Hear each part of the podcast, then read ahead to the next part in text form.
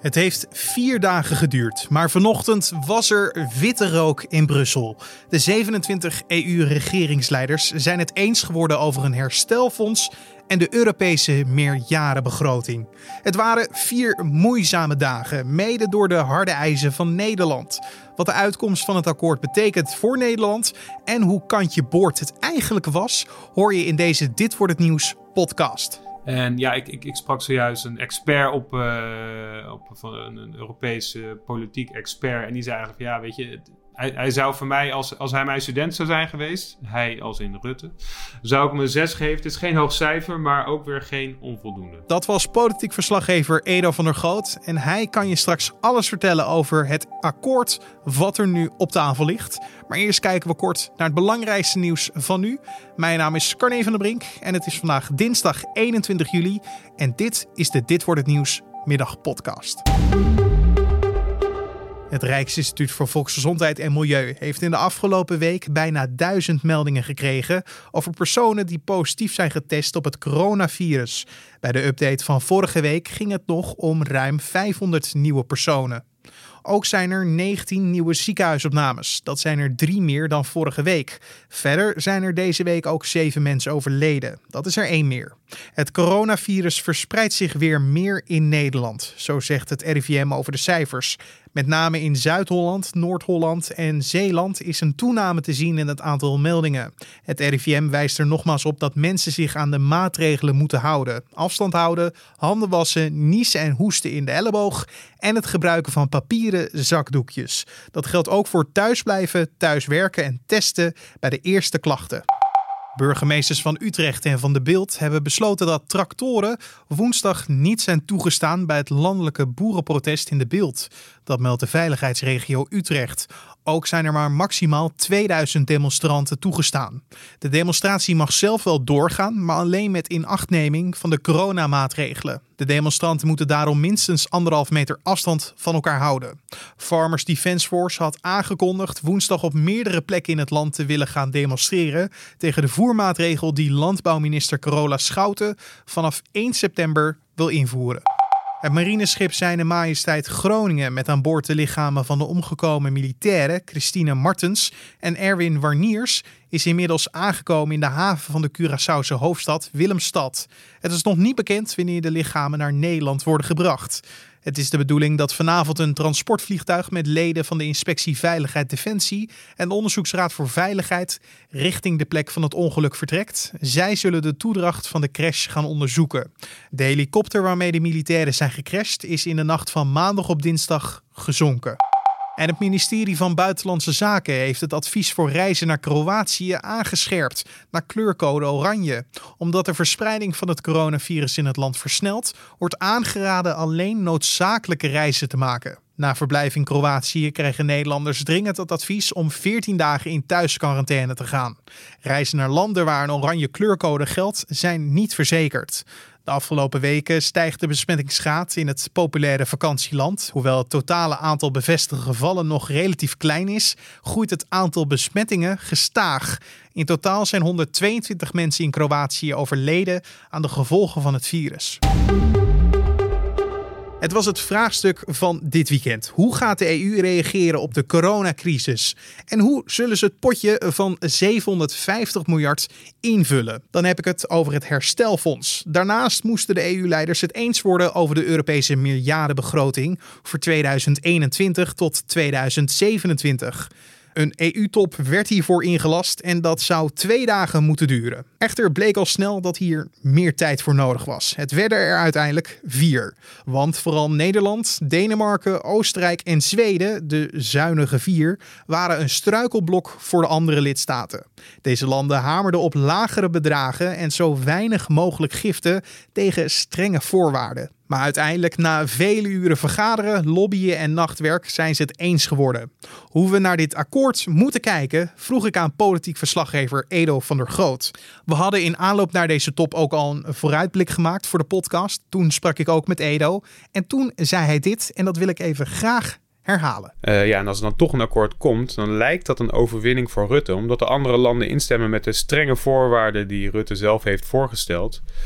Maar ja, je zou het misschien eerder kunnen zien uh, als een verlies, omdat Rutte akkoord is gegaan met giften in plaats van leningen. Dit is dus wat Edo afgelopen vrijdag in de podcast zei. Maar ja, met de kennis van nu, wie is de grote winnaar geworden? Ja, dat is inderdaad maar net aan wie het vraagt natuurlijk. Hè? En uh, beide is inderdaad gebeurd.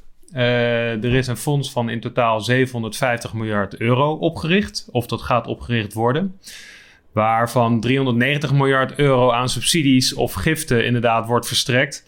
Ja, Rutte en zijn zuinige vrienden Zweden, Oostenrijk, uh, Denemarken en later ook Finland, die hadden het liefst helemaal geen giften uh, gezien. Maar ja, dat wisten ze eigenlijk van tevoren al van dat is niet haalbaar. Uh, er waren te veel landen die zeiden we moeten ook een deel giften doen, een aanzienlijk deel giften. Ja, en dat zijn er 390 uh, miljard geworden uiteindelijk. Maar het akkoord ligt dus nu op tafel. Uh, de belangrijkste punten kan je ook lezen bij ons op nu.nl. Een linkje kan je in de beschrijving van deze podcast vinden. maar wat is voor jou het belangrijkste punt of punten? Nou, dat er überhaupt een compromis is gesloten is op zich ook al wel opzienbarend hoor. Het heeft natuurlijk wel lang geduurd. er zijn natuurlijk nogal wat woorden gevallen. Het is allemaal niet zonder slag of stoot gegaan dat had je ook niet helemaal uh, kunnen verwachten dat het zonder slag of stoot zou gaan. En dat is ook helemaal niet erg. Maar dat er een compromis ligt, is op zich al een uh, resultaat op zich, zou je kunnen zeggen.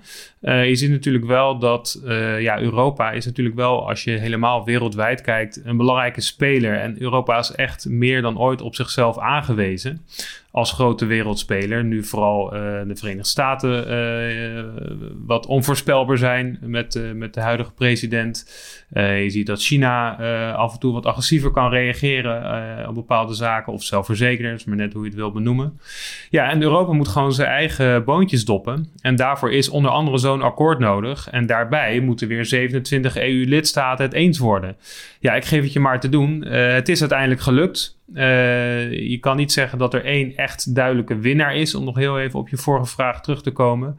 Uh, ja, dan zou het namelijk ook geen goed compromis zijn. Dat zou betekenen dat uh, één land ten koste van een ander zijn zin heeft doorgedrukt. En dat is ook weer niet helemaal het geval. Maar je zei het net al, het ging niet zonder slag of stoot. De bedoeling was dat de ingelaste top twee dagen zou duren. Het werden er uiteindelijk vier met veel nachtelijke uren.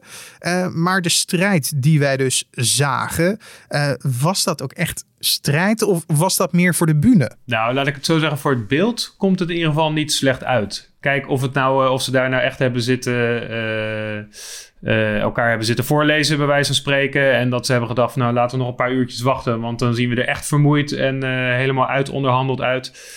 Dat ze ook weer niet het geval zijn.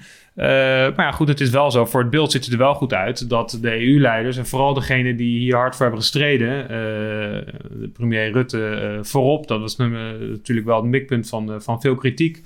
en doordat de, de, top zo lang heeft geduurd, ja, laat hij wel zien aan, aan de Nederlandse kiezer dat hij er alles aan gedaan heeft, in ieder geval om het onderste uit de kant te halen. Uh, dus ja, ik, ik, ik, geloof best wel dat het zo lang heeft geduurd allemaal. En dat veel plooien gladgestreken moesten worden. En dat dat gewoon tijd nodig heeft.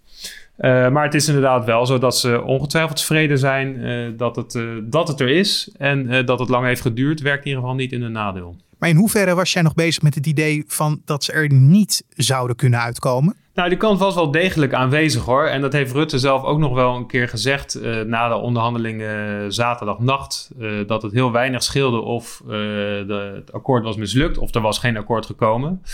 er waren op een gegeven moment ook wel berichten uit meerdere kanten dat de Franse president Macron had gedreigd het vliegtuig naar huis te pakken. die zou met zijn vuist op tafel hebben geslagen en die, die, zou op een gegeven moment helemaal klaar zijn met de houding van Nederland en zijn zuinige vrienden. Ja, die zag natuurlijk op een gegeven moment ook zijn mooie plan dat hij eerst al met Merkel, de Duitse bondskanselier, had gesmeed in rook opgaan. In mei presenteerde zij gezamenlijk al een voorstel om een behoorlijk pakket aan leningen uh, uh, vrij te spelen. Uh, dat ging toen nog om 500 miljard. Dat plan is uiteindelijk overgenomen door de, door de Europese Commissie. Ja, en sindsdien is eigenlijk, heeft Nederland voorop geprobeerd om dat bedrag steeds zo ver mogelijk naar beneden te praten. Uh, ja, dat is, dat is ergens natuurlijk ook wel gelukt. Het is nu, nou, wel, ja, het is nu wel de vraag uh, hoe tevreden je daar uiteindelijk mee bent. Want uh, ja, je wil natuurlijk ook weer niet te veel mensen tegen de haren instrijken. Ja, want in hoeverre denk je dat het imago van Rutte binnen de EU een dreun heeft gekregen hierdoor? Want hij werd toch wel gezien als de frontman van de zuinige vier. Nou, dat is wel lastig in te schatten. Uh, het is in ieder geval zo, kijk, voor het thuispubliek, dus voor Nederland zelf, dus voor, de, ja, voor, voor zijn als, als VVD'er eigenlijk. Hè, hij is natuurlijk uh, minister-president, maar uh, soms is hij natuurlijk ook nog steeds partijpoliticus en er komen verkiezingen aan. Kijk, geld geven aan uh, Zuid-Europese landen, met, met welke argumenten uh, en goede bedoelingen dan ook. De, dat is gewoon niet zo populair als je dat hier doet. Nederland kent ook best wel wat euroceptische partijen. Kijk naar PVV, kijk naar Forum voor Democratie. Maar in mindere mate ook de middenpartijen zoals CDA. nou, ChristenUnie is ook niet altijd happig geweest. Coalitiepartner op al te veel Europese steun. Dus ja, je moet dat natuurlijk ergens ook wel kunnen verkopen hier in Nederland. En ja, dat is natuurlijk in ieder geval op de top wel ten koste gegaan van zijn imago. Hij werd op een gegeven moment ook wel Mr. No genoemd. Uh, Rutte was toch wel degene die de hele dwarslag als de voorzitter van de Europese Raad weer met een nieuw voorstel kwam. Uh, ja, in hoeverre dat nog echt gaat doorwerken en of je dat ooit nog een keer terugkrijgt, tussen aanhalingstekens. Dat kan je natuurlijk nooit helemaal zien aankomen. En je weet ook niet of het gaat gebeuren. Maar goed, het blijft natuurlijk gewoon mensen. En als er te veel kwaad bloed is gezet, als mensen toch achter de schermen denken: we kunnen die Nederlanders uh, zullen nog wel eens een keertje betaald zetten voor hun. Uh, ja, uh, blokkerende houding, zo gezegd. Ja, dan, dan, moeten, dan moeten we dan maar zien wat dat precies zal betekenen. Maar op dit moment, ja, hij heeft ergens is het wel te begrijpen. De, de, eh, de harde opstelling van Nederland. Dat komt ook weer niet helemaal uit de lucht vallen. En ja, ik, ik, ik sprak zojuist een expert op, uh, op van een, Europese politiek expert. En die zei eigenlijk: ja, weet je, hij, hij, zou voor mij, als, als hij mijn student zou zijn geweest, hij als in Rutte, zou ik een 6 geven. Het is geen hoog cijfer, maar ook weer geen onvoldoende. Maar uiteindelijk zijn toch de zuinige landen overstag gegaan en ligt er een akkoord. Uh, wat was uiteindelijk dan de doorbraak? Uh, toch de verdeling van giften en uh, leningen? Ja, ook. Kijk, dat die leningen uiteindelijk zouden komen of dat die giften er uiteindelijk zouden komen, dat wist Rutte ook wel. Dus dat was ook geen harde eis natuurlijk van hem om te zeggen: ik wil helemaal geen, geen giften. Het ging er eigenlijk vooral om, werd tijdens de top ook wel duidelijk, hoe die giften, maar ook de leningen ja, hoe, hoe die besteed zouden worden en wat de controle daarop zou zijn. Uh, er werd al steeds gesproken over een zogenoemde noodremprocedure. Dat betekent eigenlijk feitelijk dat een, een, een, een, lidstaat kan zeggen als een land gebruik maakt van die giften en zegt van deze hervormingen doe ik ervoor in de plaats. Dat de land altijd nog kan zeggen van joh luister ik vind dat je die uh, hervormingen helemaal niet goed doorvoert. Uh, ik zie hier van alles misgaan. Dus wij willen graag dat het toekennen van die gelden dat dat wordt stopgezet. Maar goed, het moet wel gezegd worden dat daar is veel over gesproken. Maar het wordt wel echt gezien als een uiterste redmiddel. In eerste instantie is het aan de Europese Commissie. Uh, om te kijken of dat geld goed besteed wordt en of er hervormingen, de beloofde hervormingen die in ruil daarvoor moeten komen, of die inderdaad doorgevoerd worden. En uh, toch even kijken naar onze situatie in Nederland. Wat gaan wij merken van de uitkomst van deze EU-top? Ja, dat is, uh, dat is een lastige vraag. Ja, wat, wat merk je van, uh, van welvaart? Kijk, Nederland is natuurlijk, de Nederlandse economie is zo extreem verweven met de Europese economie. Uh, bijvoorbeeld als je alleen ook kijkt naar de cijfers, uh, de handel met Italië, het land waar we zo uh, mee overhoop lagen afgelopen maanden vanwege, vanwege het herstelfonds. Daar werd 10 miljard euro aan verdiend in een jaar in 2019. ja, weet je, wat, wat, wat merk je daarvan als Italië heel snel weer opkrabbelt en ook snel weer handel kan drijven met Nederland? kijk, wij zullen geen aanspraak maken op, op die steungelden. Uh, waarschijnlijk, zeg ik er wel bij natuurlijk. Het is met name voor de Zuid-Europese landen bedoeld, die er de economie al een beetje zagen, uh, ja, een beetje, een beetje zagen wankelen. dus we zullen er, ja, in, in het dagelijks leven zou je er niet tegenaan lopen van, hé, hey, dit is een, dit, dit komt rechtstreeks uit het steunfonds van ehm, uh, van, de, van het coronafonds. Dat, dat, zal niet gebeuren. Uh, wat natuurlijk wel gebeurt, is ja, als, als de economie, de Europese economie implodeert, of als de interne markt helemaal stil komt te liggen, ja, dan is Nederland het eerste land dat uh, dat zal gaan merken. Want wij hebben ontzettend veel baat bij de handel van de Europese Unie. Dus op die manier, ja, je zal, je zal het niet direct merken, maar het, het is er wel. Maar wat ik dan wel opmerkelijk vind, is dat in het bericht wat jij schreef over dit akkoord, uh, daarin las ik dat het nog wel de vraag is hoe lang de tevredenheid van Rutte zal duren. Kan hij toch uh, spijt krijgen van het zetten van zijn handtekening? Of liggen er nog dingen op tafel die nog niet behandeld zijn? Nou, dat niet helemaal. Kijk, de, de details die staan natuurlijk wel in het akkoord. En uiteindelijk het Europese parlement, maar ook de nationale parlementen zullen hier nog wel iets over te zeggen krijgen. Maar goed, het, het, het raamwerk natuurlijk van het akkoord, dat, dat ligt er wel. Spijt waarschijnlijk niet. Het is meer uh, waar we het net inderdaad over hadden: van in hoeverre je te veel je zin hebt doorgedramd. En belangrijke bondgenoten zoals uh, Frankrijk en Duitsland, uh, maar goed, ergens natuurlijk ook Italië, in ieder geval belangrijke lidstaten. Waarmee je in één unie zit, of je die niet ja, te veel boos hebt gemaakt of te veel je zin hebt opgedrongen. En dat is een beetje de vraag van in hoeverre hij zijn hand overspeeld heeft. Of dat hij gewoon precies op het juiste moment heeft gezegd tot hier en niet verder. En dat andere landen dat ook accepteren en ook respecteren. Uh, dus dat is een beetje de vraag. Maar ja, goed, dat is een lange termijn. Uh, dat zal op de lange termijn blijken. Dat zullen we niet volgende week al weten. Maar concluderend, ze zijn eruit gekomen. Er is een invulling gekomen voor het herstelfonds. Uh, voor de gevolgen van de coronacrisis, economisch gezien. Een bedrag van 750 miljard euro. Het is niet niks. dat, ja, dat bracht me alleen op de vraag nog: hoe komen ze aan het geld? Ja, dat is ook nog wel eigenlijk een uh, behoorlijk opvallend uh, iets uit het hele akkoord. Uh, want die macht gaat naar de Europese Commissie. Die gaat namens de 27 EU-lidstaten gaat de geldmarkt op. en gaat dat geld dan lenen. en omdat zoveel landen als het ware ja, daar garant voor staan, kan dat tegen gunstige voorwaarden natuurlijk. Uh, dus daar is iedereen uiteindelijk dan gebaat bij. Maar het is wel, ja, je zou het kunnen zeggen, al een, een verdere integratie van het uh, Europese project. Uh, daar is het eigenlijk iets minder over gegaan, maar toch wel een grote verandering. ook dat was wel te verwachten hoor, want het kan natuurlijk niet anders dan dat je als je een groot fonds opzet, dat dan zo'n Europese Commissie daar geen, geen rol in heeft. Maar goed, het is er nu toch doorheen gekomen. Het is wel tijdelijk. Uh, maar goed, eenmaal uh, zo'n beweging gemaakt, dan zeggen ze in de politiek van als je ergens een knop opzet, uh, dan is het altijd heel makkelijk om er weer aan te draaien. Uh, dus misschien dat het voor de toekomst nog iets uit gaat maken. In ieder geval in dit akkoord is wel gezegd, uh, uiteindelijk, uh, uiteindelijk stopt de Europese Commissie weer met het, met het lenen van geld. Maar dat is wel een grote stap. Dat was politiek verslaggever Edo van der Goot. Wil je nou precies weten wat er in het EU-akkoord staat? In de beschrijving van deze podcast kan je een linkje vinden naar een overzichtsartikel. En dan het weer. Vanavond en vannacht wordt het helder, maar het koelt wel langzaam af naar minimumtemperatuur tussen de 6 en 12 graden. Morgen wisselen zon en wolken elkaar af en het kan in het noorden gaan regenen. Het wordt 18 tot 22 graden bij een zwakke tot matige noordwestenwind. En om af te sluiten nog even dit. Shorttrackster Lara van Ruiven krijgt woensdag een laatste eerbetoon. Een rouwauto met erin het lichaam van de op 27-jarige leeftijd overleden sportvrouw zal dan een rondje rijden over het ijs in het schaatsstadion Tialf in Heerenveen. Op 10 juli overleed Van Ruiven in een ziekenhuis in Frankrijk aan de gevolgen van een auto-immuunziekte. De shorttrackster schreef vorig jaar geschiedenis door als eerste Nederlandse vrouw een individuele wereldtitel te pakken in het shorttrack. Daarnaast werd ze met Oranje op de rally wereldkampioen, drie keer Europees kampioen en pakte een keer Olympisch brons.